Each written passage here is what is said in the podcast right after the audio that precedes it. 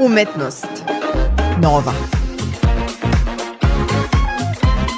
Nove ideje. Energije. Pogledi.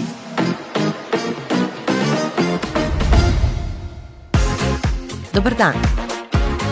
Ja sam Ana Čupić. Vi slušate emisiju Umetnost Nova. Naš današnji gost je glumac pozorišta mladih Darko Radojević. Glumačku akademiju završio je u Novom Sadu u klasi profesora Nikite Milivojevića. Prve korake napravio je u predstavi Kosa pozorišta mladih. Glumu, a pre svega pozorište, birao je zbog uspostavljanja duhovne veze sa samim sobom i društvom u kojem živimo. Smatra da kamera ne pruža potpuni autentični glumački doživljaj.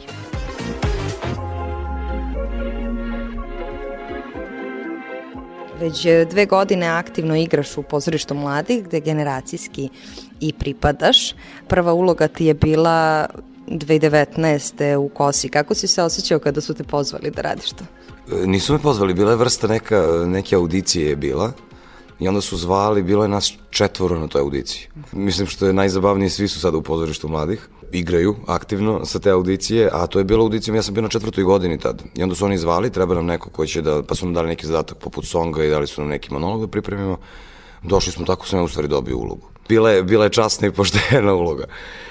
A nakon toga, to celo iskustvo što se tiče kose je genijalno. Posebno što je na kraju i e, došao lično John Savage je bio tu negde snimao u okolini tu negde po Balkanu i onda je došao da vidi tu premijeru. I onda sam ja njega pitao tako neke krucijalne stvari koje prosto ja sad mojim godinama nikad neću moći da doživim.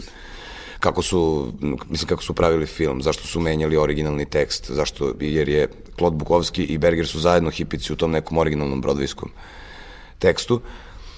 A u filmu su oni napravili taj change da je on, on dolazi iz Oklahoma, iz nekog tamo, neke zabiti I ovaj, to je bilo zabavno, što su oni to počeli, on je počeo da priča kako je celu tu ulogu sa Formanom pravio po njegovoj nekoj ličnoj konstrukciji čovekova i te sve neke stvari koje su implementirane u film, to su Savage-ove lične stvari.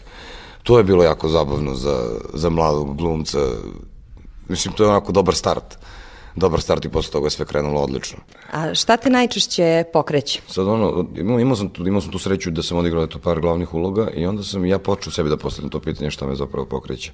Ono što mene suštinski kao čoveka pokreće to je da e, traganje za nekom istinom i nekom dobrotom. I to je suštinski što tragam za tim nekim ljudskim razumevanjem čoveka pre svega zašto on dolazi na te neke ideje i zašto, čime se on bavi, koji su mu ciljevi i svaki taj lik kada, kada pripremam uvek krenemo od tog nekog glavnog cilja tog lika. Ne znam, igrali smo muskitare, pa ako on kreće čovek da, se, da, da postane musketar, ali vrline koje nosi sa sobom su čast, poštenje, na neki način mislim on je vitez i on želi da bude vitez i to su njegove uverenja. E, to za čim onda traga taj lik i susreće se u tom, na, na tom dvoru sa Rišeljejom i sa svom tom, ajde da ih, nazva, da ih nazovemo bagrom, to je ono što, što ja suštinski pokušam, sve vreme pokušam da povučem tu paralelu između tih likova i mene. I da sve te neke vrline stavim kao svoje lične, a da sve te mane ili neke zle namere osvestim i stavim ih po strani da bi možda život možda mogao da bude i izgleda bolje. To je ono što mene pokreće u svemu tome.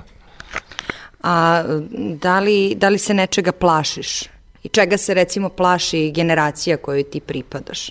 Moja generacija i generacija, generacije koje dolaze e, jako su indiferentne u odnosu na život. To je zabrinjavajuće, to je ono što mene najviše plaši. Odsustvo svesti, odsustvo okolnosti, odsustvo interesovanja ličnih, moje generacije i generacije koje dolaze i cela ta manipulacija medijima, telefonima, i to nadolazeće društvo, meni je to najjezivije jer počeće da se svaki čovek koji može nešto da promisli ili nešto može da podeli neku emociju sa drugim čovekom, postaće redak slučaj i onda ćemo morati da ih držimo kao malo vode na dlanu.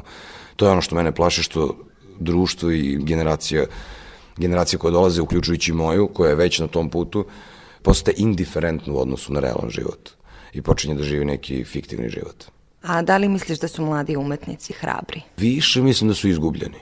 Više mislim da su izgubljeni jer škola nudi ne, neke, neke opšte poznate stvari, a problem je što sad mi dolazimo u, u jednu ekspanziju, jednu reprodukciju svega, mislim umetnosti generalno, nebitno da li je to slika, film, pozorište, sve se sad manje više bazira na internetu i na tim dešavanjima, Moguće da nam nedostaje hrabrosti, ali pre svega moramo da se sastavimo sa, sa mislima i sa ciljevima da bi hrabrost e, dobila svoje polje u kome može da deluje. Hvala ti najlepše.